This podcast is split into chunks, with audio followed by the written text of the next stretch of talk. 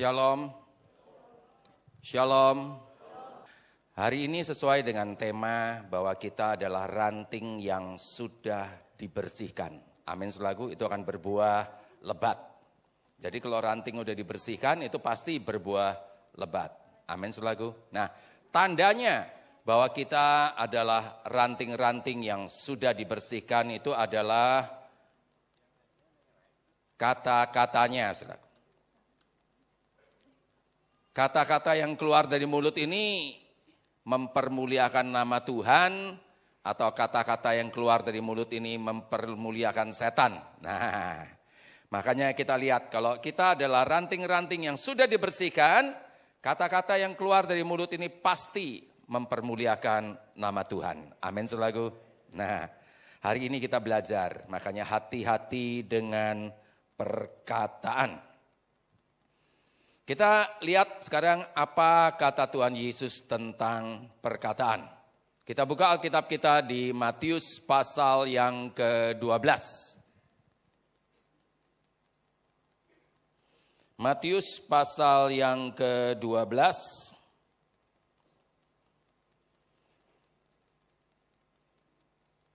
Matius pasal 12 kita baca ayat 36 sampai dengan ayat 37. Matius 12 ayat 36 dan 37.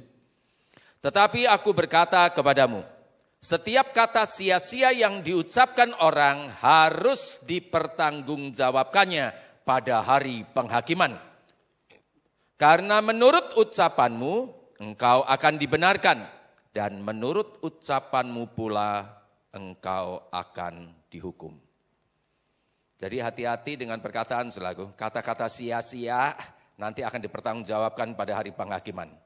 Dan ayat ini juga mengatakan bahwa menurut ucapan kita, kita akan dibenarkan. Dan juga menurut ucapan kita pula, kita akan dihukum. Makanya hati-hati dengan perkataan. Amin selaku. Hari ini kita belajar, cuman kalau saya baca dari permulaan terlalu banyak. Saya ceritain dulu. Orang orang Israel pada waktu mereka keluar dari tanah Mesir, mereka keluar dari tanah Mesir, berhenti di sini beberapa waktu, jalan lagi, berhenti lagi, sampai akhirnya tinggal satu langkah lagi mereka masuk ke tanah perjanjian. Mereka nggak langsung masuk, zaku, tapi dites. Dan saya percaya kita semua pasti punya tanah perjanjian kita masing-masing. Amin. Nah waktu kita lagi mau masuk ke tanah perjanjian kita, kita pun akan dites. Nah makanya hati-hati dengan perkataan. Mereka lagi mau masuk, satu langkah lagi mereka masuk ke tanah perjanjian. Dua belas suku itu dipanggil semua. Kepala-kepala suku dipanggil. Dan kepala-kepala suku ini, dua belas kepala suku disuruh mengintai negeri yang akan Tuhan berikan kepada orang Israel. Ini bukan orang ecek-ecek loh yang disuruh. Ini kepala-kepala suku. Orang-orang terbaik di sukunya masing-masing. Mereka masuk 40 hari kemudian mereka pulang kasih kabar. Nah kita hari eh, sekarang kita baca. Kita buka di bilangan pasal yang ke-13. Bilangan pasal yang ke-13.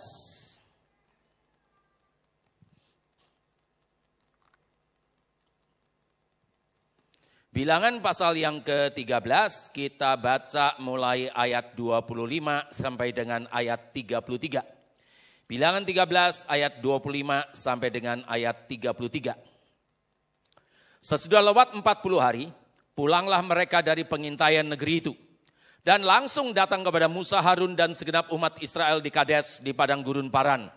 Mereka membawa pulang kabar kepada keduanya dan kepada segenap umat itu dan memperlihatkan kepada sekaliannya hasil negeri itu. Mereka menceritakan kepadanya, kami sudah masuk ke negeri ke mana kau suruh kami. Dan memang negeri itu berlimpah-limpah susu dan madunya. Dan inilah hasilnya. Hanya bangsa yang diam di negeri itu kuat-kuat. Dan kota-kotanya berkubu dan sangat besar. Juga keturunan enak telah kami lihat di sana. Orang Amalek diam di tanah Negeb, orang Het, orang Yebus, dan orang Amori diam di pegunungan. Orang Kanaan diam sepanjang laut dan sepanjang tepi sungai Yordan. Kemudian Kaleb mencoba menentramkan hati bangsa itu di hadapan Musa katanya, tidak, kita akan maju dan menduduki negeri itu. sebab kita pasti akan mengalahkannya. Tetapi orang-orang yang pergi ke sana bersama-sama dengan dia berkata, kita tidak dapat maju menyerang bangsa itu karena mereka lebih kuat daripada kita. Juga mereka menyampaikan kepada orang Israel kabar busuk tentang negeri yang diintai mereka dengan berkata, negeri yang kami lalui untuk diintai adalah suatu negeri yang memakan penduduknya dan semua orang yang kami lihat di sana adalah orang-orang yang tinggi-tinggi perawakannya. Juga kami lihat di sana orang-orang raksasa, orang enak yang berasal dari orang-orang raksasa. Dan kami lihat diri kami seperti belalang dan demikian juga mereka terhadap kami. Jadi sudah 40 hari mereka mengintai, mereka pulang. Ditanyain sama Musa, bagaimana? Negeri yang mau dikasih sama Tuhan bagaimana? Sepuluh pengintai itu percaya kenyataan, bukan bohong. Jadi sepuluh pengintai ini percaya kenyataan. Dua pengintai percaya firman Tuhan. Percaya kenyataan itu bukan terus di sini dia bohong, tidak. Zaman dulu belum ada media-media elektronik, media-media massa yang lain, tidak ada. Jadi orang lihat di sini apa adanya, diberitakanlah di sana. Itu kabar kenyataan. Dan Alkitab mengatakan tadi, kabar kenyataan itu adalah kabar busuk. Dan herannya, dari zaman dulu sampai hari ini masih sama saja. Zaman dulu roh kudus diberikan kepada siapa Tuhan mau memberikan. Sekarang roh kudus sudah diberikan semua orang bisa punya, bisa punya roh kudus. Asal percaya Tuhan Yesus semua dikasih roh kudus. Tapi masih sama saja. Namanya manusia itu lebih suka kabar kenyataan daripada kabar firman Tuhan. Dari zaman dulu tuh sampai hari ini. Makanya kita nggak bisa jadi manusia biasa. Kita harus jadi manusia ciptaan yang baru di dalam Kristus Yesus. Amin selagu. Kalau kita manusia yang baru ciptaan di dalam uh, Kristus Yesus, baru kita akan bisa percaya firman Tuhan lebih daripada kenyataan. Amin selagu. Nah, makanya hari ini kita belajar. Saya adalah seorang hamba Tuhan yang paling suka belajar firman Tuhan. Dan kalau saya kepingin bagi sama saudara, saudara kalau membaca Alkitab jangan cuma baca, bosen. Menjiwai. Kalau Tuhan Yesus yang ngomong, saudara coba jadi kayak Tuhan Yesus. Kalau ada siapa yang ngomong, saudara coba jadi. Kita bisa sampai sampai ke mana-mana kita bisa ngerasain apa yang dia rasakan. Itu seperti itu. Makanya tidak pernah bosan baca Alkitab, saudaraku. Nah, harusnya seperti itu. Dan saya kalau saya lihat, saudaraku, ini orang ini yang di ayat terakhirnya, itu orang Israel tuh membahasakan dirinya kayak belalang.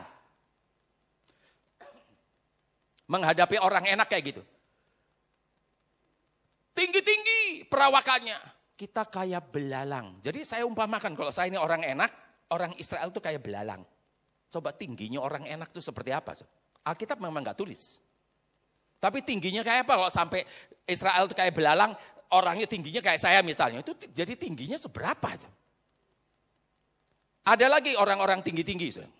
Goliat ditulis tingginya Goliat 3 meter 15. Ditulis ada dalam Alkitab kalau bisa jadiin sentimeter itu 3 meter 15. Kalau orang-orang Refaim itu uh, orang-orang Refaim itu gini, ini Yerus, uh, apa, uh, Yerusalem. Jadi uh, Israel, jadi Israel, Israel itu dibelah dua sama apa? Sama Sungai Yordan. Jadi Israel semuanya itu dibelah dua sama Sungai Yordan. Ada Israel sebelum Sungai Yordan dan ada Israel sesudah Sungai Yordan. Israel sebelum Sungai Yordan dulu sebelum diduduki sama Israel itu ada dua kerajaan. Satu kerajaan Hesibon, yang satu kerajaan Basan. Kerajaan Basan ini namanya rajanya itu namanya Ok. Ok itu artinya raksasa berleher panjang. Ini orang Amori. Orang-orang Amori. Itu juga tinggi. Sampai Alkitab mengatakan tingginya orang-orang Refaim atau orang Amori ini. Ini tingginya melebihi pohon aras. Kekuatannya seperti pohon terbanting ditulis dalam Alkitab. Sampai tingginya ngelebihin pohon aras itu orang-orang Amori. Lebih tinggi lagi daripada Goliat. Goliat orang Filistin.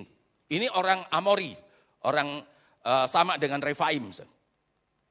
Tingginya nggak ditulis, tapi Alkitab mencatat ranjangnya Ok. Dicatat.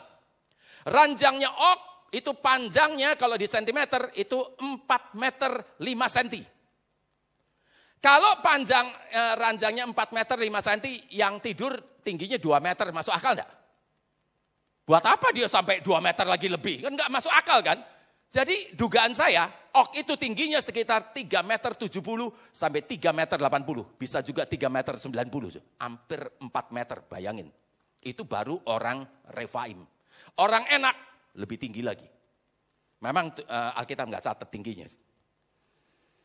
Ada arkeolog, seorang arkeolog dari Amerika. Dia pergi ke tanah kanaan, dia korek-korek di sana. Dia korek-korek, korek-korek, nggak tahu berapa tahun kemudian ketemulah tulang belulangnya orang enak. Saya ambil si bule itu tinggi 180 lah. Si bule itu tingginya 180. Itu si bule kalau berdiri, itu cuma selututnya saja. Bayangin. Tingginya berapa? Jadi diduga orang enak itu tingginya sekitar 7 sampai 9 meter. Kira-kira saudara kalau ngelawan orang yang tingginya 7 sampai 9 meter, kira-kira gimana? Maka 10 pengintai bilang, kita tidak dapat maju menyerang bangsa itu karena mereka lebih kuat daripada kita. Kalau saudara baca ayat-ayat selanjutnya, di situ dikatakan bahwa kotanya berkubu, kubunya sampai ke langit. Harusnya dibasoka. Sayangnya waktu itu nggak ada basoka adanya katepel. Makanya orang-orang bilang uh, kita tidak dapat maju menyerang bangsa itu karena mereka lebih kuat daripada kita. Sudah tahu namanya kabar-kabar busuk itu kabar-kabar kayak gitu yang menjatuhkan mental itu lebih gampang dipercaya oleh manusia. Manusia lebih gampang percaya sama kabar-kabar kenyataan. Kabar-kabar yang bikin kita jadi takut, bikin kita jadi gentar, bikin kita jadi khawatir, takut, itu lebih gampang. Dikasih kabar firman Tuhan, tidak, kita akan maju. Nggak ada yang nggak ada yang percaya, sir. nggak ada yang percaya sama firman Tuhan. Percayanya kenyataan. Itu zaman dulu. Sudah tahu hasilnya. Itu bikin orang Israel jadi nggak karuan. Kita baca lagi sir. Kita buka sekarang di pasal 14. Pasal yang ke-14 kita baca ayat 1 sampai dengan ayat yang ke-10. Bilangan 14 ayat 1 sampai dengan ayat yang ke-10. Judulnya pemberontakan umat Israel.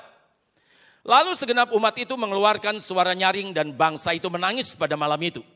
Bersungut-sungutlah semua orang Israel kepada Musa dan Harun. Dan segenap umat itu berkata kepada mereka, Ah, sekiranya kami mati di tanah Mesir atau di padang gurun ini, Mengapakah Tuhan membawa kami ke negeri ini? Supaya kami tewas oleh pedang dan istri serta anak-anak kami menjadi tawanan. Bukankah lebih baik kami pulang ke Mesir?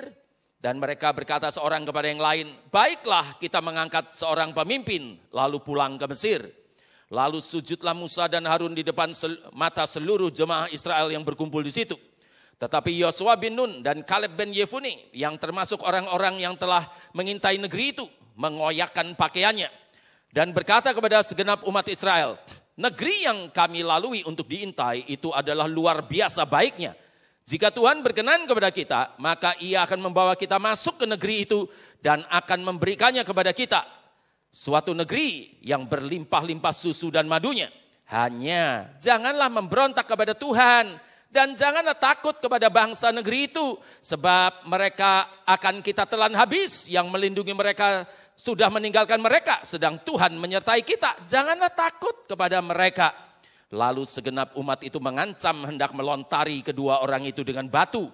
Tetapi tampaklah kemuliaan Tuhan di kemah pertemuan kepada semua orang Israel. Kita lihat kata-kata negatif kita itu lebih gampang dipercaya sama manusia. Manusia lebih suka kabar-kabar negatif. Kalau lihat di televisi lebih suka Zaman dulu sampai hari ini masih sama. Kita lebih suka dunia dalam berita daripada sorga dalam berita. Lebih suka liputan 6 daripada liputan sorga. Baca Alkitab, baru dapat 10 ayat, udah. Nonton TV bisa 5 jam, baca koran bisa 2 jam, baca Alkitab ngantuk. Nah itu selaku. Kita lihat, itu namanya manusia. Maka kita tidak boleh jadi manusia. Kita semua adalah manusia cipta ciptaan yang baru di dalam Kristus Yesus. Amin saudaraku. Nah, kalau kita manusia ciptaan yang baru di dalam Kristus, kita pasti lebih suka firman Tuhan daripada suka nonton-nonton film-film yang gak karuan saudaraku. Nah itu loh. Makanya hari ini kita lihat, ini kalau nggak salah yang ketiga atau yang keempat. Dan Tuhan marah bukan main. Dia bilang sama Musa, minggir Musa, aku habisi bangsa Tegar Tenggo ini. Nanti kamu yang akan aku jadikan bangsa yang besar. Secara sepihak Tuhan mau uh, memutuskan uh, janjinya sama Abraham. Sah. Saking jengkelnya bukan main ngeliatin orang manusia itu. Sah. Udah ngeliat mujizat masih aja nggak percaya. Nah itu, itu namanya manusia. Untung Musa nggak bilang terjadilah menurut kehendakmu. Wah kalau Musa bilang gitu habis orang Israel dibantai sama Tuhan. Jadi makanya hari ini saya kepingin bagi juga bahwa tidak ada doa bilang, oh doa ini paling bagus, tidak ada. Doa yang paling bagus adalah doa yang selalu dipimpin oleh roh kudus. Amin selalu. Karena semua doa itu ada pada tempatnya. Tidak ada doa ini paling bagus, tidak ada. Semua doa kalau dipimpin sama Roh Kudus, itu adalah doa yang paling bagus. Amin selalu. Ada kalanya kita nawar. Ada kalanya kita harus menyerahkan diri kita. Enggak selalu bilang terjadilah menurut kehendakmu. Musa waktu itu nawar, jangan tuh Tuhan. Nanti apa kata orang Mesir? Engkau sudah mengeluarkan dengan tanda ajaib, dengan mujizat, dengan lengan yang teracung. Tapi Tuhan tidak berkuasa untuk menobatkan umatnya sehingga mereka dibantai di padang gurun dan mayatnya berhantaran. Dan Tuhan nggak jadi loh. Jadi ada kalanya untuk kita juga bisa nawar. Ada kalanya kita juga harus menyerahkan diri tergantung pimpinan Roh Kudus. Amin selalu. Nah, ini Tuhan memang marahnya bukan main. Dan ayat yang akan kita baca selanjutnya ini, ini salah satu ayat emas saya. Pada waktu saya bertobat, beberapa waktu kemudian saya dapat ayat itu dan ayat itu berbicara sendiri sama saya. Dan itu jadi ayat emas saya yang saya akan bagiin sama saudara. Tetap di bilangan pasal 14, tapi kita baca di ayat yang ke-28. Sekarang kita lihat ayat yang ke-28.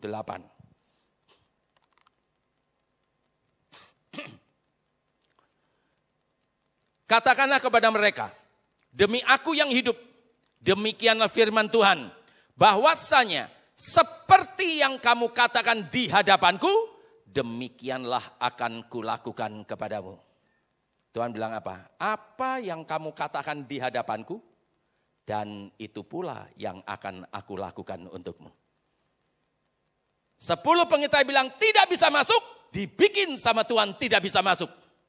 Dua pengintai bilang bersama dengan kita, eh, bersama dengan Tuhan kita masuk, dibikin sama Tuhan bisa masuk. Hati-hati dengan perkataan.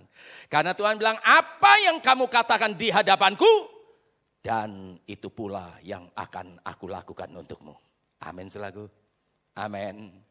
Kita lihat ayat pendukungnya. Kita buka lagi di Amsal pasal yang ke-18. Amsal pasal yang ke-18.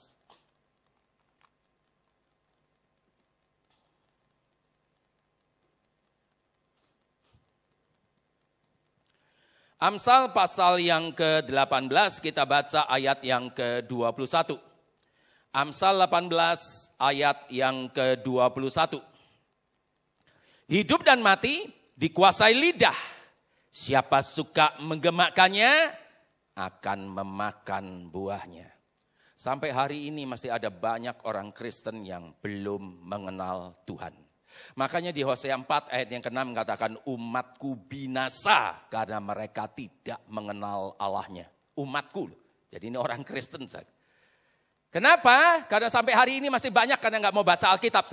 Kita selalu ngomongnya hidup dan mati kita di tangan Tuhan. Hidup dan mati kita pokoknya ada di uh, dalam Tuhan. Ayatnya tuh di mana? Bisa ngomong kayak gitu tuh ayatnya di mana? Ini loh ayatnya. Hidup dan mati bukan dikuasai Tuhan. Hidup dan mati dikuasai lidah. Tuhan sudah kasih nasib kita di lidah kita sendiri. Kita yang bikin nasib kita malang atau kita bisa bikin nasib kita diberkati tergantung dari lidah kita. Kenapa? Karena Tuhan bilang apa yang kamu katakan di hadapanku dan itu pula yang akan aku lakukan untukmu. Makanya Alkitab mengatakan bila uh, apa di Amsal 18 ayat 21 ini, hidup dan mati dikuasai lidah. Siapa suka menggemakannya akan memakan buahnya. Contoh, kalau kita ada satu tebing yang curam, itu kalau kita ngomong tuh bergema. Gema itu enggak ngomong, kita ngomong sekali terus gemanya sekali, enggak. Kita ngomong sekali, gemanya berkali-kali. Contoh, kita ngomong apa? Goblok! Gitu. Bentar lagi, goblok, goblok, goblok, goblok. Dimakan itu. Kita tambah goblok. Tolol! Bentar lagi, tolol, tolol, tolol, tolol, tolol. Kita tambah tolol. Dimakan. Siapa suka menggemakannya, akan memakan buahnya. Kita lihat. Makanya hati-hati. Kita kalau ngomong apa? Orang kok jahat. Lagi kita bilang jahat. Gembanya jahat, jahat, jahat, jahat. Kita tambah jahat. Karena Tuhan bilang apa yang kamu katakan di hadapanku. Dan itu pula yang akan aku lakukan untukmu. Saudara ngomongnya, aduh sakit, sakit. Bentar lagi sakit, sakit, sakit, sakit. Jadi gudang penyakit. Hati-hati. Tuhan bilang, jangan kamu kalah dengan kejahatan. Tapi jangan balas kejahatan dengan kejahatan. Balas dengan kebaikan. Saudara kok difitnah, Saudara kalau tidak dimengerti, kalau saudara tidak mendapat keadilan, kalau saudara dijahati, saudara diapain saja, jangan balas dengan kejahatan. Karena nanti itu kata-katanya akan kita makan sendiri. Maka Tuhan bilang berkati musuhmu. Coba kita lihat, aku berkati. Aku berkati, aku berkati, aku berkati. Kita makan berkat. Sehat. Sehat, sehat, sehat, sehat. Kita makan. Siapa suka menggemakannya akan memakan buahnya. Nah, hati-hati dengan perkataan. Saya bersyukur saya dilahirkan dari satu keluarga yang sangat luar biasa buat saya. Papi mami saya ngajar saya dari kecil untuk saya tidak boleh ngomong tidak bisa. Selalu ngomongnya bersama dengan Tuhan aku bisa. Jadi saya dari kecil, dari TK itu kalau saya mau sekolah, breakfast dulu, mesti mau berangkat sekolah saya mesti cium papi mami dulu, Sampai SMA itu. Cium papi mami, terus harus ngomong 10 kali. Bersama dengan Tuhan aku bisa, bersama dengan Tuhan aku bisa, bersama dengan Tuhan aku bisa. 10 kali. Nanti mau tidur, mau tidur, saya mesti peluk cium papi mami saya dulu. Sudah peluk cium papi mami saya, saya mesti ngomong lagi. Bersama dengan Tuhan aku bisa 10 kali lagi. Dari kecil sampai gede. Sampai pada suatu hari ada satu kata-kata mami saya yang itu menggores hati saya secara dalam. Bukan menggores secara negatif loh. Secara positif. Makanya orang tua-orang tua itu harus bisa menggores hati anak-anaknya dengan sesuatu yang positif. Sehingga anaknya tidak pernah lupa. Itu kalau digores dia nggak akan pernah bisa lupa. Amin. Kalau itu tidak tergores ya dia gampang melupakannya. Baik itu baik, baik itu buruk maka kita harus menggores dengan sesuatu yang baik. Amin selagu supaya diingat terus. Pada suatu hari saya masih ingat waktu itu saya kelas 5 SD. Saya udah tidur siang, bangun jam jam 4, saya mandi, terus saya siap-siapin buat buku-buku buat besok uh, sekolah. Saya terus bikin PR. PR saya ada lima, ada lima soal. Saya duduk di sini, mami saya duduk rada ke PR yang sebelah situ. Saya masih ingat mami saya lagi jahit. Mesin jahitnya saya masih ingat mereknya Singer. Singer yang sekarang tinggal pencet, cep, ser, jalan sendiri. Kalau dulu diencot, jeglek, jeglok, jeglek, jeglok. Masih ingat gak? Mesin jahit yang pakai pakai encotan kayak gitu. Itu mami saya yang jahit kayak gitu. Saya bikin dulu. Saya bikin satu, saya bikin bisa. Dua nggak bisa, saya tinggal. Tiga, empat, lima, bisa. Saya balik ke nomor dua, saya nggak bisa. Memang betul saya tidak bisa. Saya bilang, Mam, nomor satu sampai lima udah tak bikin, cuma nomor dua nggak bisa. Si mami nggak lihat ke saya. Si mami mesin jahit, saya bilang nomor dua nggak bisa. Si mami saya bilang bisa. Saya mikir juga iya juga ya. Masa nggak bisa? Kok nyerah? Oh saya bikin lagi. Saya bikin lagi. Ya memang saya nggak bisa. Saya bilang, mam, nomor dua nggak bisa. Si mami bilang, bisa. Saya tuh sampai bingung. Kenyataannya, saya tuh nggak bisa. Tapi mami saya bilang, bisa. Itu yang benar yang mana? Nggak tahu lah. Saya dibilang bisa, nyatanya saya nggak bisa. Masa bodoh lah, saya lihat sana, lihat sini. Mungkin mami saya tahu nih anaknya mau stres nih. Tunggu ya sebentar, dia selesain, terus dia, dia datang ke tempat saya. Mana? Ini loh. Terus si mami lihat, loh ini kan begini, ini begini, ini ditambah, ini dikurangin, terus ini diginiin, diginiin. Sekarang jadi berapa? Saya bilang sekian. Nah bisa kan? Lah sekarang saya bilang, lah mami kasih tahu saya, saya baru bisa. Tadi kan saya nggak bisa. Ini kata-kata mami saya yang tidak pernah saya bisa lupakan. Mami saya, mami saya bilang begini, Andrew, selama kamu bilang bersama dengan Tuhan, aku bisa, hari ini Tuhan bikin kamu bisa melalui mamimu. Tapi sampai kapan pun juga, selama kamu bilang bersama dengan Tuhan, aku bisa, Tuhan akan bikin kamu bisa dengan caranya dia. Amin. Tidak pernah bisa saya lupain. Dari kecil saya ingat terus itu kata-kata itu bersama dengan Tuhan pasti aku bisa. Tuhan akan bikin aku bisa dengan caranya Tuhan. Dari saya belum mengenal Tuhan, saya nggak pernah putus asa. Saya tahu bersama dengan Tuhan aku pasti bisa. Dari zaman dulu sampai kayak gitu. Dan didikannya selaku, karena papi saya punya anak laki seperti saya, saya dididik untuk bisa olahraga bela diri. Jadi saya dari kecil, dari umur 4 tahun saya dilatih tinju. Masuk kelas 1 SMP, saya dilatih lagi karate. Sampai saya dan dua karate. Jadi saya ini dulu ini petarung. Dulu petarung. Dulu pendekar, sekarang pendeta. Saya dilatih dari kecil. Nah, untuk uh, endurance-nya, saya disuruh lari. Karena saya dulu tinggal di dekat Senayan. Jadi mami saya yang diminta tolong sama papi saya setiap jam setengah empat, jam empat, saya dibawa ke Istora Senayan, itu uh, Gelora Bung Karno, saya suruh lari. Itu 400 meter, itu waktu saya umur baru 4-5 tahun. Mami saya ngajarin saya dulu stretching. Udah stretching kira-kira 20 menitan gitu, 15 menit, 20 menit habis stretching. Terus mami saya bilang, sekarang kamu lari kelilingin ini. Berani nggak? Saya bilang berani, ayo lari. Lari satu kali. Sudah satu kali lari, tanyain lagi, kamu masih kuat? Masih. Berani sekali lagi? Berani. Lagi lagi. Yang kedua. Sudah yang kedua, yang sudah sampai lagi, ditanya kamu masih kuat? Saya bilang masih. Berani sekali lagi? Berani. Ayo lagi sekali lagi. Yang ketiga.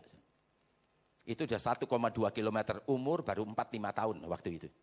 Saya lari lagi. Sudah yang ketiga, mami saya masih tanya lagi. Kamu masih kuat? Saya bilang masih. Berani sekali lagi? Berani sekali lagi. Empat kali, 1,6 kilometer.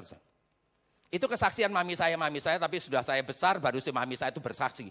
Lagi saya disuruh lari yang keempat kali, mami saya yang deg-degan sendiri. Aduh, anak kecil tak suruh lari empat kali. Aduh, sampai dia yang yang yang itu sendiri itu. Tapi luar biasa. Saya dulu lari setiap hari, setiap hari dari hari Senin sampai hari Sabtu. Itu saya lari 10 kilometer. Skipping 3.500 kali dulu. Hujan loh, hujan. Saya pakai payung, tetap lari. Oh, saya orangnya memang kayak gitu. Karena saya mau menang, saya dulu ikut pertandingan. Saya nggak mau kalah, saya mau menang. Jadi saya mesti saya mesti berlatih sungguh-sungguh. Itu seperti itu. Coba, so, kalau orang-orang yang tidak beriman ngajar anak-anaknya gimana coba? Masih kuat nih. Sudah nak, sudah. Nanti kalau kamu pingsan. Ngomongnya kayak gitu. Saya bersyukur saya dilahirkan dan saya diajar dari keluarga yang luar biasa. Sampai pada suatu hari, karena saya ikut tinju waktu itu, saya tinju amatir. Diikutin tinju amatir, mau profesional enggak boleh. Saya cuma ditinju amatir. Nah, waktu itu ada pertandingan. Yang jadi coach, itu pelatih saya, itu papi saya sendiri. Menurut saya lagi saya lihat musuh saya. Saya ngeliat, saya bilang sama papi saya, pipi, ini kelihatannya nggak imbang deh. Itu musuhku tuh lebih gede, dia pasti lebih berat. Si papi nggak ngeliat mana, mana musuhnya gitu. Enggak. Dia sambil mijitin saya, dia bilang apa? Mau gede, mau kecil, lawan kamu pasti kau. luar biasa enggak?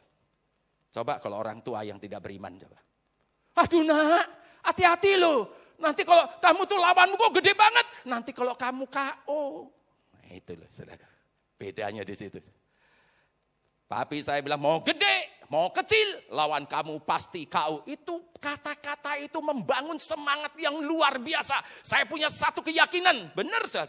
Begitu saya dipanggil, si wasit kan bilang, kamu ingat ya, tidak boleh pukul bagian ini, bagian ini. Kamu begini, kalau wasit dia bilang, stop, tidak boleh pukul lagi. Oke, oke, kasih tangan, kasih tangan. Sudah mundur lagi, tong, mulai saya maju, saya dijab. Saya masih ingat. Jab, saya, saya menghindar, telinga saya keserempat sedikit. Karena ini luput, pukulan tangan kanannya luput masuk sini, dagunya jadi saya hantam pakai hukanan. Bam, kayak mukul guling. Das, langsung bak, lima detik KO. Ada yang mau coba? Itu ban dulu, sekarang jadi pendeta, dulu petarung selaku, sekarang harus pendeta. Musuh kita bukan manusia, bukan terdiri dari darah dan daging, tapi musuh kita ada roh-roh jahat di udara. Amin selaku. Nah, jadi makanya jangan suka ngelawan manusia, lawan kita bukan manusia, lawan kita roh-roh jahat di udara. Amin selaku. Nah, itu di KU dengan dengan firman Tuhan. Roh jahat pasti akan KU. Amin selaku. Tuh, luar biasa. Saya pernah lagi, so. Saya tahu badminton itu kalau nggak nggak di kelas 3 SMP ya di kelas 1 SMA. So. Waktu itu lagi saya lagi sekolah, saya nggak tahu ya itu kenapa Tato guru-guru tuh mengadakan rapat mendadak jam 10. Jadi jam 10 pagi kita justru pulang. Jadi kita pulang, wah enak ini pulang jam 10. Teman saya bilang, Drew main tempatku. Yuk main tempatku. Terus saya pinjam telepon dari dari kantor sekolah, saya pinjam telepon ke rumah yang ngangkat papi saya. Saya bilang, Pipi, ini kita uh, disuruh pulang jam 10 karena guru-guru ada rapat mendadak. Boleh nggak saya main ke rumah teman? Papi saya bilang, sampai jam berapa? Saya bilang, ya nggak lebih dari jam 4. Oke, saya main ke rumah teman-teman saya. Tempat rumah teman saya ini besar, ada kolam renang, ada lapangan badminton. Teman saya bilang gini, dulu kamu bisa main badminton? Nggak bisa. Mau tak ajari? Ya mau diajarin. Akhirnya kita main badminton. Ngomongnya diajari, tapi bukan ternyata nggak diajarin, dibantai. Saya dilatih lari loh, skipping loh. Tapi kan saya nggak tahu nggak tahu uh, taktiknya badminton. So. Jadi saya dikasih bola sana, saya uber, saya kasihin ke orangnya. Nanti dia kasih sana, saya uber ke sini, saya kasih. Itu tenaga lawan hikmat, ternyata kalah tenaga itu. So menang hikmat. So. Teman saya ketawa-ketawa, hahaha, hehehe, 15-0, 15-0, kurang ajar. Sekali lagi, lah karena saya nggak tahu taktiknya, so. Saya kasihin ke orangnya terus, dia yang gocek saya ke mana-mana. 15-0, 15-0, sekali lagi 15-0, 15-0, kurang ajar? Saya bisa nggak terima, so. saya orangnya kayak gitu. Sama-sama kok, saya bisa dapat nol dari mana? Sama-sama manusia kok. Dia makan, dia makan nasi. Saya juga makan nasi, kecuali dia makan batu. Nah itu itu monster, bukan manusia. Saya pakai pakaian, dia juga pakai pakaian. Sama kok, kecuali saya pakai pakaian, dia telanjang bulat. Nah itu beda. Sama-sama. Kenapa saya bisa kalah? Saya nggak terima. So. Saya pulang kira-kira nggak jam 4. Saya pulang jam setengah tiga mungkin. Saya udah pulang. Dari rumah teman saya, saya langsung pergi ke Gramedia. Di Gramedia saya ada si mbak-mbak gitu, saya tanya, mbak ada nggak buku yang menerangkan tentang badminton? Ada, bukunya tebel. Tak beli. Saya beli buku badminton, saya beli raket, saya beli koknya, saya beli. Jadi saya lihat di buku itu, itu tapi kan teori. Cara megangnya gimana, megangnya kayak megang pisau. Bagaimana terus namanya backhand, backhand itu harus pakai jempol. Terus bagaimana yang namanya chop, apa bedanya dengan smash. Jadi di situ diterangin semua, jadi saya mulai ngerti. Terus sudah gitu, saya mainnya sama apa? Sama tembok. Udah sama tembok, kok kelihatannya aneh ya main sama tembok. Akhirnya saya pergi ke lapangan badminton. Saya pergi ke lapangan badminton satu ini, kosong, tidak ada siapa-siapa. Saya berangkat lagi, pergi ke lapangan badminton yang lain, kosong lagi. Saya pergi ke lapangan badminton yang lain lagi, di situ ada seorang pelatih lagi ngelatih anak kecil. Lagi latihan gitu, saya datengin, Pak, Pak, Bapak mau nggak ngelatih saya selama satu minggu? Saya minta tiga jam ngelatih saya. Selama setiap satu minggu itu saya dilatih setiap, setiap hari tiga jam. Bagaimana Pak? Oke, saya dilatih. Wah dilatih macam-macam lah pokoknya. Tapi karena modal saya memang saya kuat, saya itu memang lari. Sudah satu minggu kemudian, tak datengin lagi teman-teman saya. Ayo kita main badminton lagi yuk. Ayo! Begitu main, bales. 15-0, 15-0 menang saya. Sir. Teman saya sampai kaget dulu kamu kok beda banget, kamu kok sekarang jadi jago. Saya cuma alasan, loh dulu kan udah diajarin. Ayo sekali lagi, sekali lagi 15-0, 15-0 menang saya. Saya, saya orangnya kayak gitu. Kalau orang lain bisa, saya pun juga bisa. Tidak ada nggak bisa. Bersama dengan Tuhan, aku bisa. Amin selagu. Itu saya masih belum bertobat. Sesudah sekarang kita masukin kepada waktu saya bertobat. Lagi saya bertobat, saya ini uh, atlet. Saya juara renang. Pernah saya juara renang seluruh pelajar uh, uh, dapat perak juara dua. Dapat perak. Lari saya 100 meter, 200 meter juara. Badminton juara. Karate juara. Tinju juara. Uh, pialanya ada banyak saya. Jadi saya ini atlet. Namanya kalau laki-laki, apalagi sehat, atlet. Sudah bertobat nih, sudah terima Yesus. Yang paling berat itu apa? pikiran jorok. Ayo laki-laki, omongan saya benar nggak? Jangan pura-pura nggak tahu kayak gitulah, pakai pura-pura. Laki-laki yang utama pikiran cabul. Termasuk saya, saya nggak mau nggak mau munafik, saya ngakui. Ini saya dulu begitu. Kalau kita dikasih wanita, wanitanya pakai rok mini, pakai dada terbuka, tapi tinggi 150, berat 200 kilo. Ya tanpa penyangkalan diri langsung tutup mata. Iblis gak segoblok itu selagu. Dia akan kasih yang kita suka. Yang tipe kita pakai rok mini terus pakai rok mini terus kita pikirannya apa lagi ngeliat, wah ini cewek cantiknya, seksinya, terus ngeliat, ngeliat yang kelihatan, ngerti toh yang yang kelihatan ngerti toh nggak usah saya jelasin. Terus kita pikirannya apa? Ini rok mini. Kalau rok mini ditarik 20 cm lagi, kira-kira ngelihat apa ya? Terus mulai bayang-bayangin. Itu laki. Kalau nggak gitu namanya bukan laki, bencong. Laki ya kayak gitu itu selaku. Nah itu juga sama, saya dulu juga gitu. Kalau ngelihat perempuan yang seksi, terus pikirannya, waduh model-model gini kalau gue tidurin rasanya kayak apa? Itu laki-laki. Makanya saya lihat di sini luar biasa wanita-wanitanya terhormat semua. Tidak ada yang buka-buka dada, nggak ada yang buka-buka paha. Buka-buka dada hati-hati dimakan codot. Nah, itu seperti itu. Saya tahu nih, saya ini seorang calon, seorang hamba Tuhan. Tapi pikirannya cabul. Caranya gimana? Dulu saya pakai cara sendiri. Caranya gimana? Doa puasa. Mamang hebat, doa puasa. Saya doa puasa kalau satu bulan ada empat minggu, saya puasa tiga minggu. Setiap Rebu, Kemis, Jumat, tidak makan, tidak minum. Tiga hari, tiga malam. Saya kuat. Sampai hari ini saya masih kuat. Kalau satu bulan ada lima minggu, saya puasa empat minggu. Setiap Rebu, Kemis, Jumat, tidak makan, tidak minum. Hari pertama belum kerasa. Hari kedua, kudus. Hari ketiga, sup per kudus. Nggak percaya coba puasa tiga hari tiga malam nggak makan nggak minum. Hari ketiga super kudus ada bidadari telanjang sekalipun sus tidak doyan. Hari keempat makan lagi jorok lagi stres nggak? Saya ngalamin, saya ngomong di mimbar ini bukan saya baca buku, ngalami. Saya sendiri ngalami. Lagi puasa kudus, saudara mau puasa terus, mati.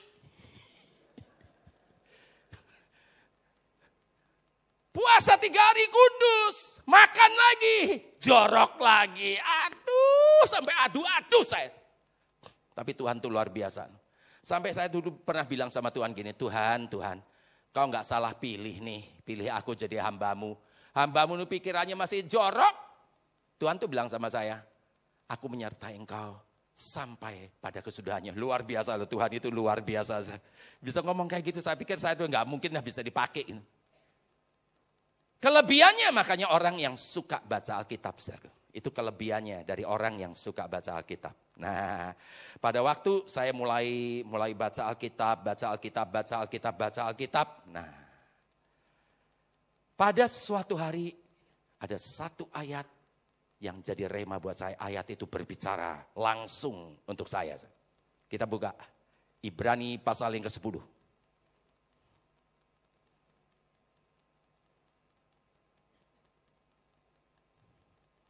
Ibrani pasal yang ke-10.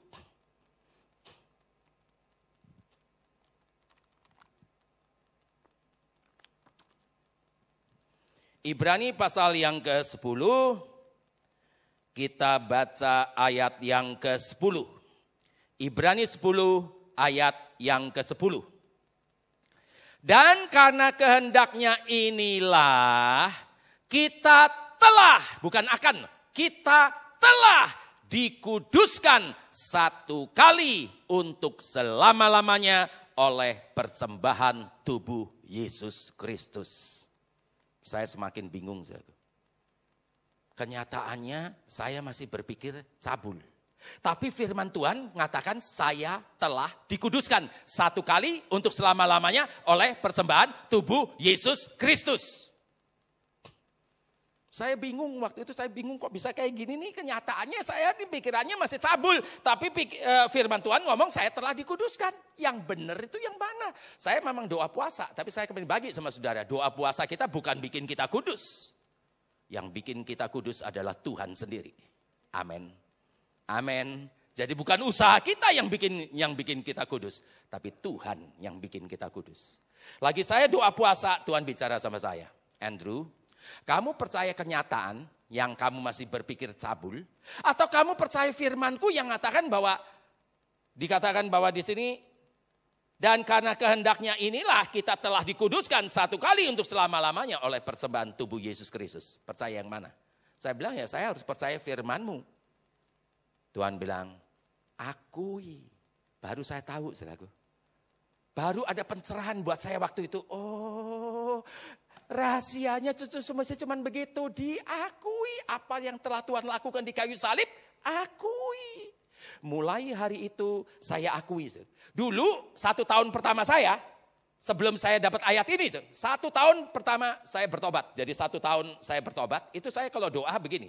Doa akhir, lagi saya mau tidur, terakhir dari semua doa, saya akhiri dengan gini. Tuhan, ampuni dosa-dosaku.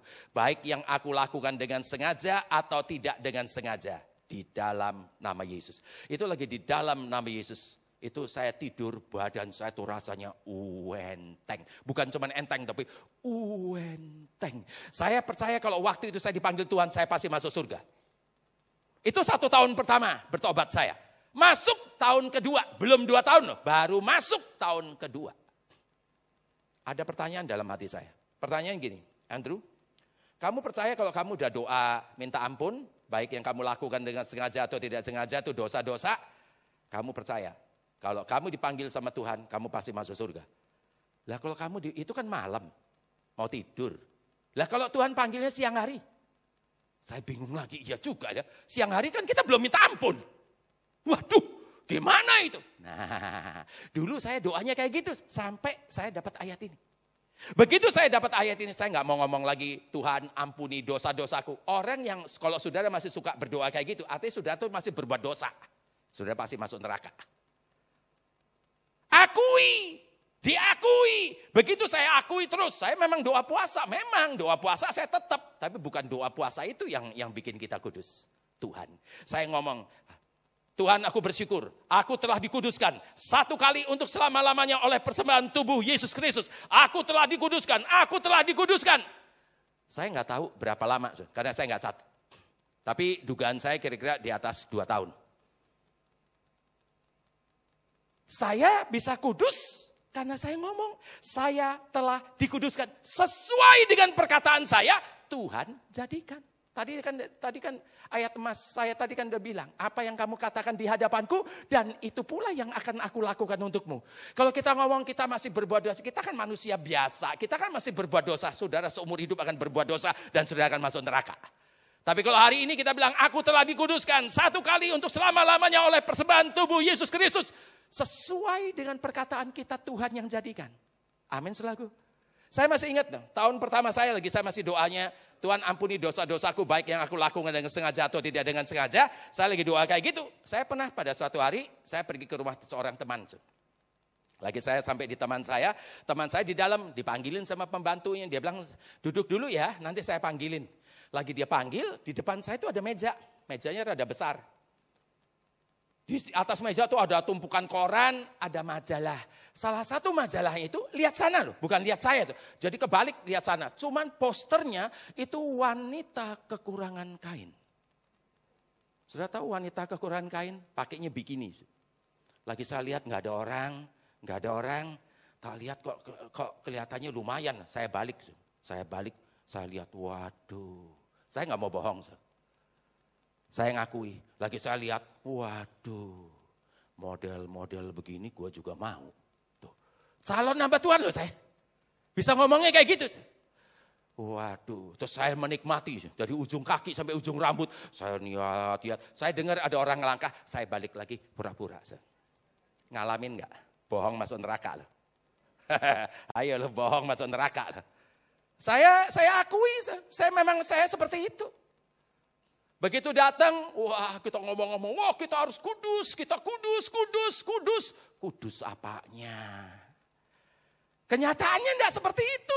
Saudara jadi saya kira-kira gimana? Saya sebenarnya tidak mau. Saya itu enggak mau kayak gitu.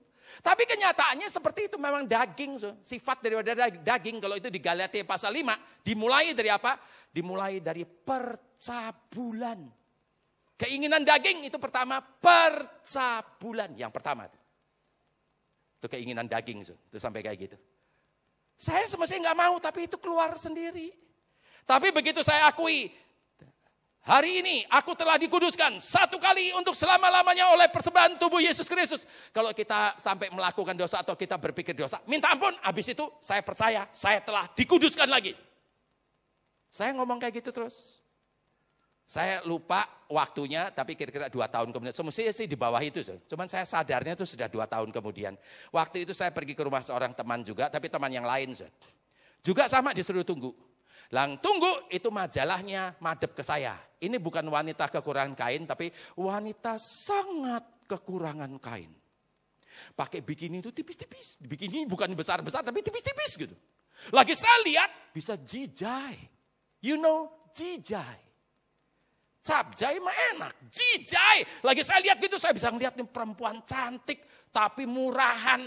Dikasih uang cuma suruh ngeliat tubuhnya aja dibuka-buka. Saya ambil koran tak tutup. Lagi saya tutup, satu baru sadar loh. Si Andrew dulu suka. Sekarang saya bisa nggak suka. Saya baru sadar. Kenapa? Karena saya selalu ngomong, aku telah dikuduskan satu kali untuk selama-lamanya oleh persembahan tubuh Yesus Kristus. Saya akui terus sesuai dengan perkataan saya, Tuhan jadikan. Amin, selagu. Amin.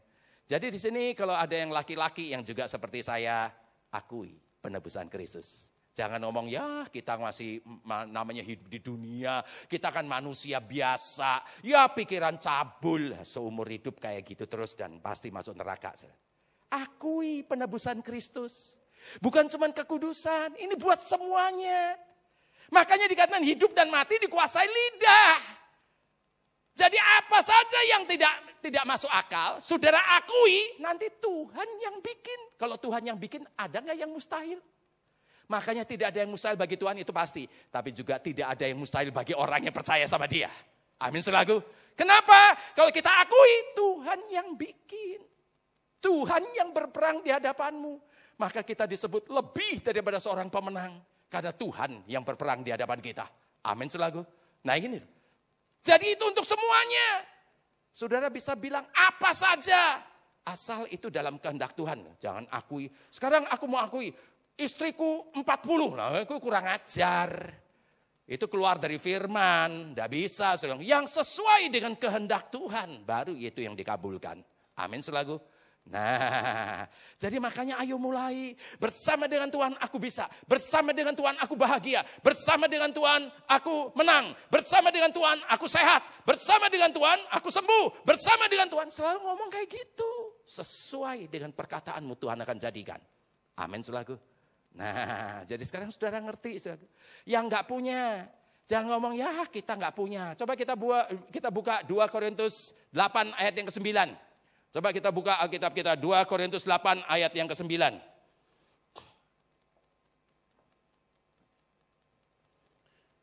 2 Korintus 8 ayat yang ke-9.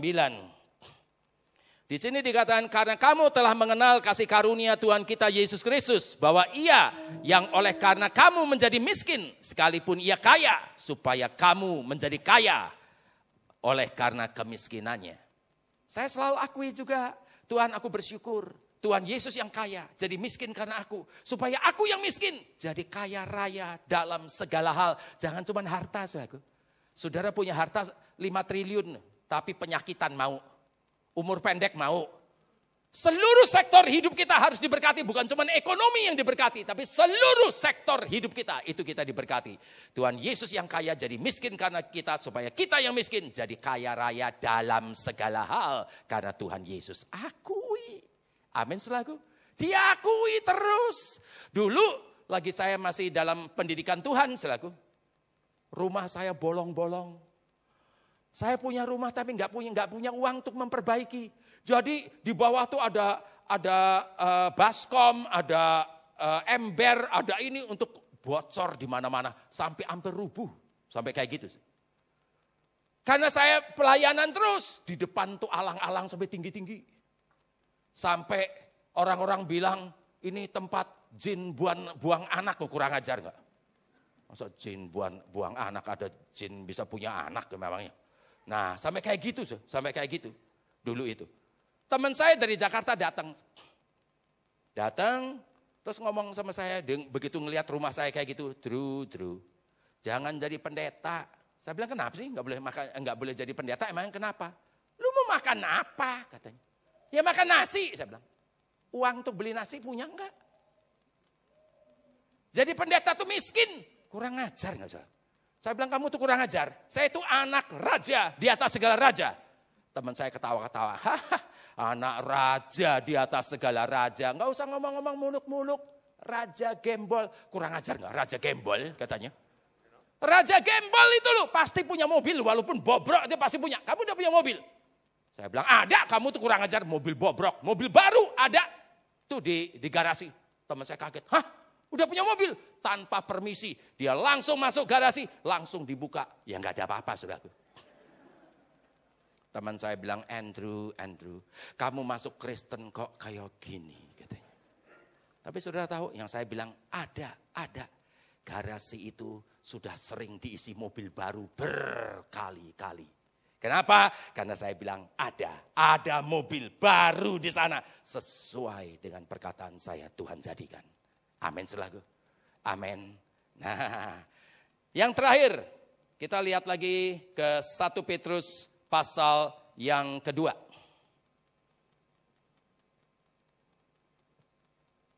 Satu Petrus pasal yang kedua.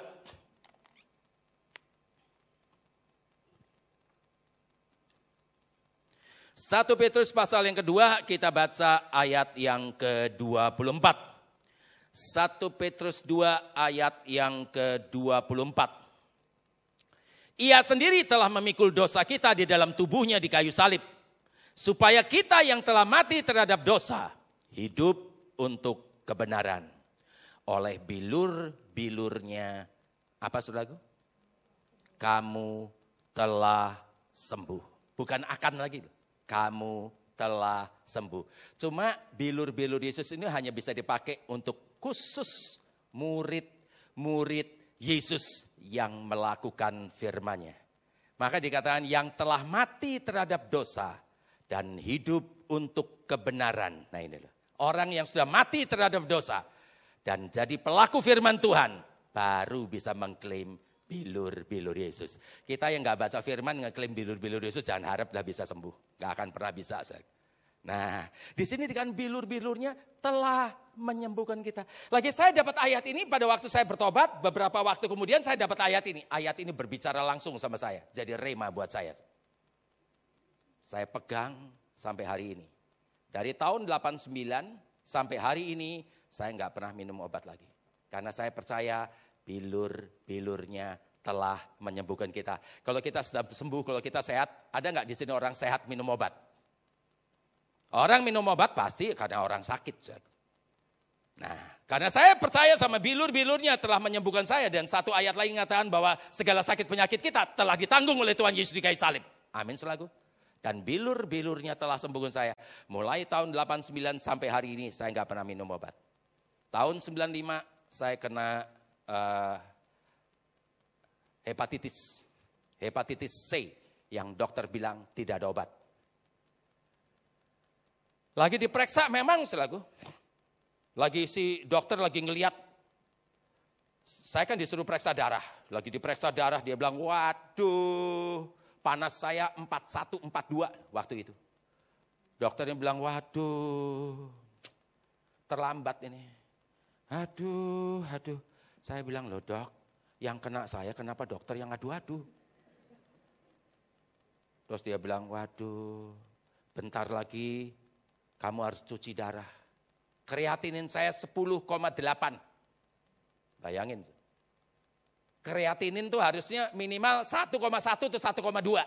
Paling bagus itu 1 atau 0,9. Saya punya 10,8. Kepala tuh hampir pecah rasanya. Pengen muntah, pengen enek seperti kayak gitu. Tapi nggak bisa muntah cuma ngomong, tapi badannya panas. Itu kayak gitu. Kreatininnya 10,8. Dia bilang bentar lagi kamu harus cuci darah. Tak tolak. Aku tolak dalam nama Yesus. Saya punya organ tubuh surga. Tidak bisa sakit, tidak bisa lemah. Tapi bekerja optimal untuk kerajaan surga. Dokter kaget. Seumur hidup dia melayani pasien. Baru dapat sekali pasien seperti saya. Dia kaget. Dia lihat dari ujung kaki sampai ujung rambut. Dia lihat. Tapi panas saya waktu itu diperiksa 41 hampir 42. Jadi dia pikir nih orang ini sadar atau mengigau. Dia lihat, dia lihat, ya sudah, ya sudah, oke, oke, suntik ya. Saya tanya, suntik apa dok? Kalau dia bilang suntik vitamin, saya mau. Suntik vitamin oke. Suntik obat untuk matikan virusnya. Saya bilang, dok, saya ini nggak sakit. Jalan hidup saya namanya hepatitis C. Kalau saya jalani bersama dengan Tuhan saya, Sampai nanti sampai sana ada akhirnya. Dan saya akan masuk ke jalan yang lain lagi. Ini jalan hidup yang harus saya jalani. Namanya hepatitis C. Saya bilang begitu. Dokternya kaget lagi. Dia lihat saya lagi, dia lihat ujung kaki sampai ujung rambut. Dipikirnya sadar apa enggak. Sudah, sudah. Dokter bilang ya sudah, ya sudah. Oke, saya kasih uh, memo langsung masuk ICU. Saya disuruh masuk ICU. Saya bilang, dok, ICU itu, itu untuk orang-orang yang udah mau mati. Saya bukan orang mau mati. Saya cuma jalan hidup saya, saya namanya hepatitis C. Kalau saya jalani bersama dengan Tuhan, ada akhirnya. Dan saya akan masuk ke jalan yang lain lagi, saya bilang begitu.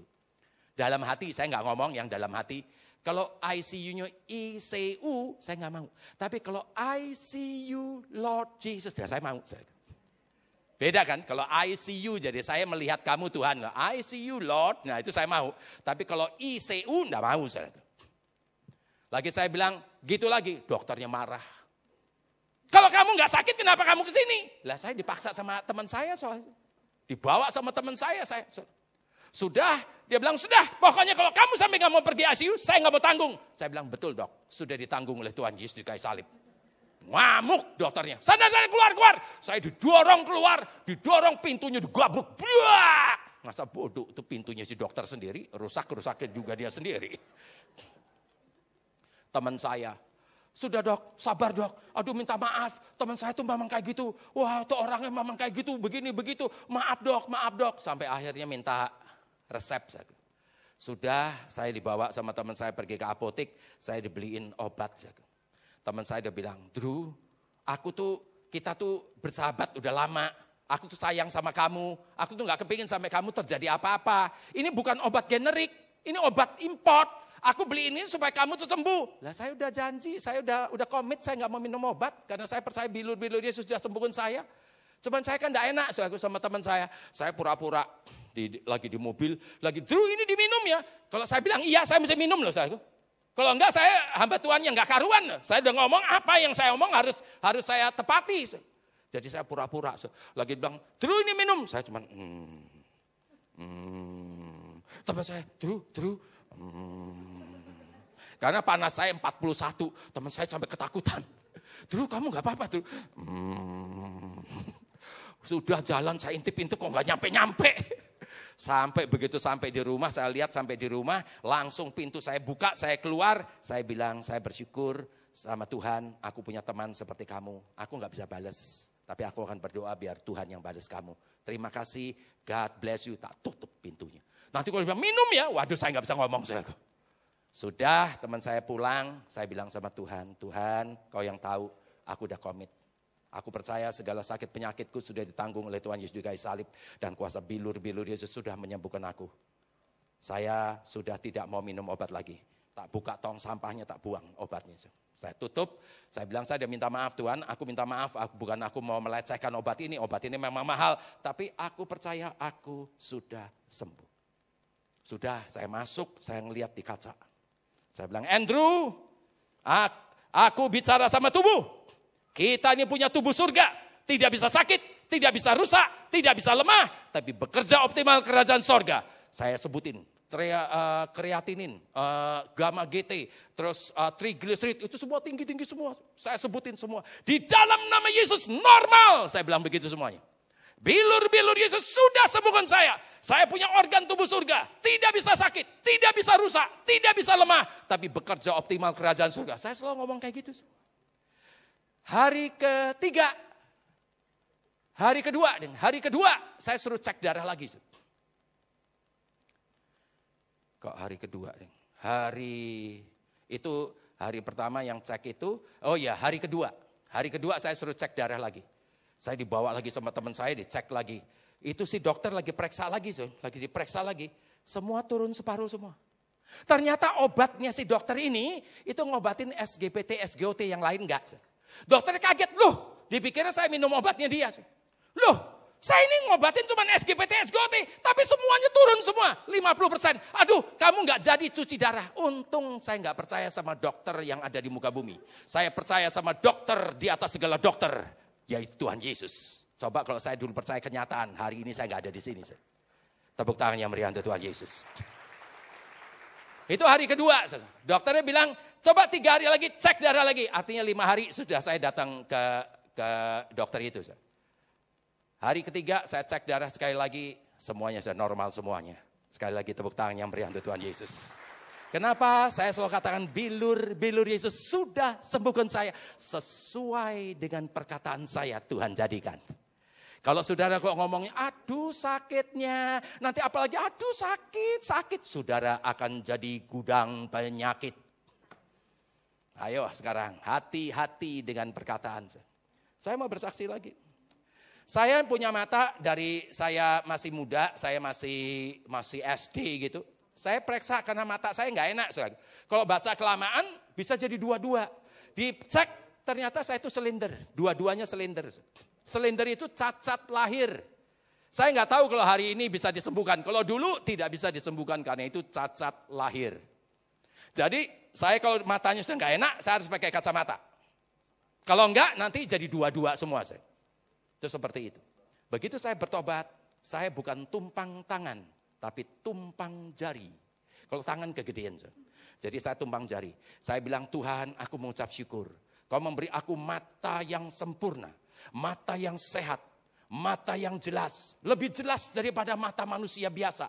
Mata yang diberkati. Mata. Terus saya ngomong terus. Saya nggak tahu itu juga sampai kapan. Sampai pada suatu hari, saya buka laci, saya ngelihat kacamata saya. Duh, udah tahunan saya nggak pakai kacamata. Wah, coba saya ambil, saya pakai, teng lagi saya pakai, pusing, pusing bukan main. Waduh, saya cek ke dokter mata saya. Saya ke dokter mata, saya cek matanya.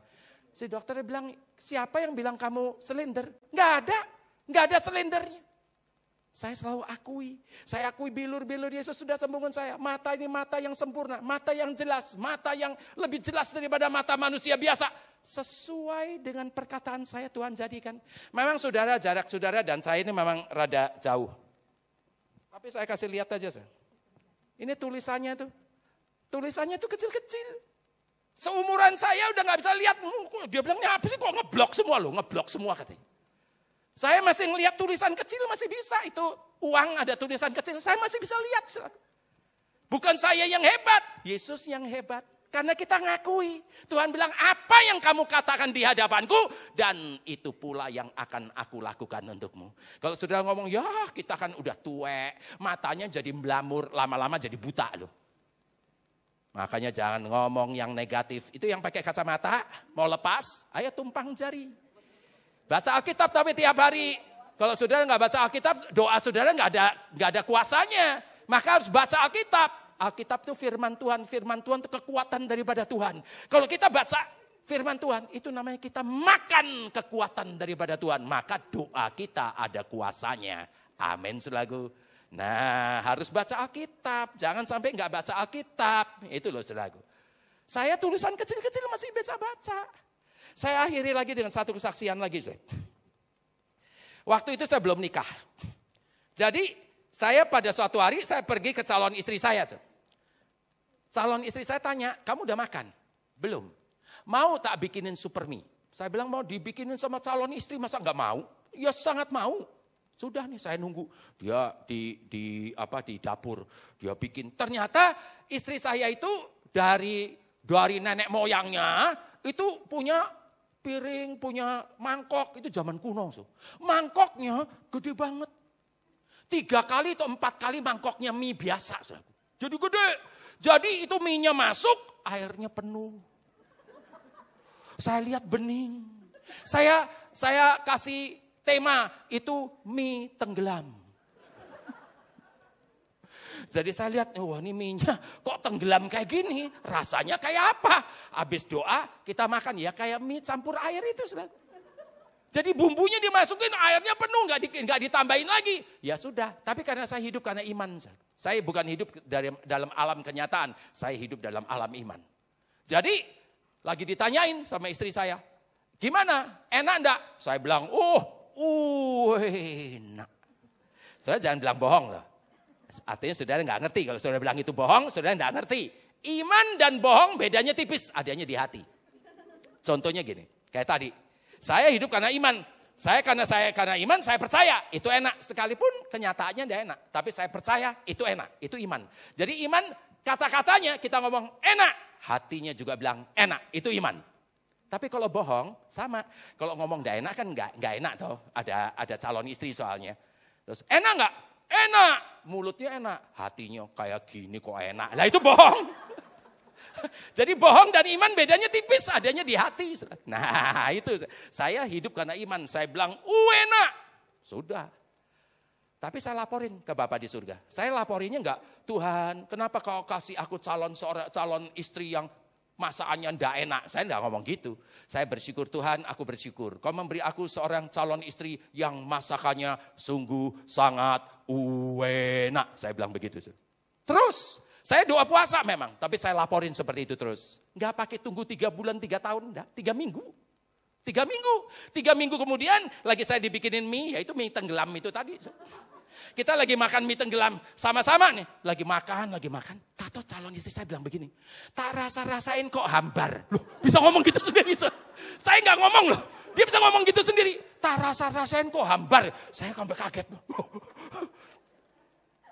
Saya bilang enggak, nih enak. Enggak, dia bilang ini kok hambar. Akhirnya dia dengan inovasi, di inovasi gini gitu sampai masakannya sekarang ini sungguh sangat enak. Tepuk tangan yang meriah untuk Tuhan Yesus. Dia dahsyat, saudaraku. Sudah nih, sudah nikah, saya bersaksi. Sekarang coba kamu lihat. Sekarang masakanmu, sekarang apa yang kamu masak, sekarang enak semua. Kenapa? Tak ceritain. Dulu ingat nggak kamu masak mie tenggelam? Bingung dia. Mie tenggelam. Apa itu mie tenggelam? Tak bilangin lah dulu kamu mangkoknya gede, minyak masuk ke dalam airnya penuh. Terus loh kalau gitu kamu dulu juga ngerasain itu hambar. Iya, tapi karena saya hidup karena iman, tak ceritain. Terus akhirnya saya doa puasa, saya selalu mencipta kata-kata saya. Istri saya masakannya sungguh sangat enak sesuai dengan perkataan saya Tuhan jadikan. Nah itu sekarang jadinya kamu. Terus istri saya bilang gini, oh gitu toh caranya. Pada suatu hari istri saya ngomong gini, sayang mulai besok aku mau puasa tiga hari. Saya tanya mau puasa, puasa untuk apa? Ada deh, mau tahu aja katanya. Ya udahlah namanya orang mau puasa masa saya larang. Ya udah, dia puasa tiga hari. Minggu depan puasa lagi, minggu depan puasa lagi, minggu depan puasa lagi. Sampai tiga bulan kemudian dia ngomong gini, sayang coba lihat, sifatmu yang seperti ini sekarang ke mana? Saya lihat-lihat, iya ya, sifat saya itu bisa hilang. Dilaporin juga ternyata. Jadi istri saya juga lapor sama Bapak di surga, terus dia lapor, dia mencipta, saya diubah. Saya nggak pernah ngomong sama istri saya. Kalau saya ngomong sama istri saya, dia berubah karena saya. Saya nggak mau. Saya kepingin istri saya berubah karena Tuhan. Dan saya laporin kayak tadi, kita mencipta. Doa puasa dan mencipta. Sesuai dengan perkataan saya, Tuhan jadikan. Istri saya juga gitu, kita, dia nggak pernah nuntut saya. Tapi dia ngomong sama Bapak di surga, saya pun diubah. Jadi semua yang jelek-jelek kita laporin semua, semuanya jadi baik. Kita nggak pernah nuntut. Makanya orang yang nuntut stres, yang dituntut pasti stres. Tuntut dirimu sendiri. Amin selalu. Amin. Mulai memperkatakan. Istri saya lagi menikah sama saya beratnya 42. Tingginya 159, hampir 160. Beratnya 42, badannya badan peragawati. Coba luar biasa enggak? Begitu nikah, punya anak pertama, naik dari berat eh, 42 jadi 62. Sudah anaknya keluar, turun 5 kilo. Enggak turun-turun lagi. Terus dia bilang gini sama saya, sayang, aku mau ngomong, kalau seandainya aku ndak bisa turun lagi, terus jadi beratnya seperti ini, kamu gimana? Saya tadi mau ngomong gini, mau gendut lah, mau kurus lah, pokoknya aku cinta sama kamu. Saya tadi mau ngomong gitu, tapi saya mikir dulu. Saya punya kebiasaan sebelum ngomong mikir dulu. Makanya sudah kalau mau mau ngomong mikir dulu, jangan ngomong dulu baru mikir. Nah, mikir dulu, saya mikir. Saya ini kepalanya dia. Saya kan kepala rumah tangga, kepala istri, kepala anak-anak. Saya ini kan kepalanya. Istri saya kan leher, penopang kepala. Tuh. Jadi badan nurut kepala atau kepala nurut badan? Yang benar yang mana? Badan nurut kepala. Saya kepalanya kok. Dia kok gitu. Saya, saya mikir, kalau beratnya 42 lagi, kok kasihan ya. Masa udah punya anak, beratnya masih 42. Beratmu 44. Saya bilang begitu. Istri saya bilang, ini kan cuma umpama. Kalau beratku tidak bisa turun lagi, kamu gimana? Tidak ada umpama. Di dalam Tuhan bukan ya dan tidak. Janjinya ya dan amin. Beratmu 44. Sampai punya anak lagi, sampai hari ini beratnya 44. Tepuk tangan yang meriah untuk Tuhan Yesus. Jadi istri-istri yang gendut-gendut, mau balik lagi kayak dulu, suamimu suruh mencipta. Saudara mau beratnya berapa? Ayo dicipta sesuai dengan perkataanmu Tuhan akan jadikan. Amin selalu. Sekali lagi tepuk tangannya sangat meriah untuk Tuhan Yesus. Mari kita bangkit berdiri. Saya akan berdoa untuk saudara.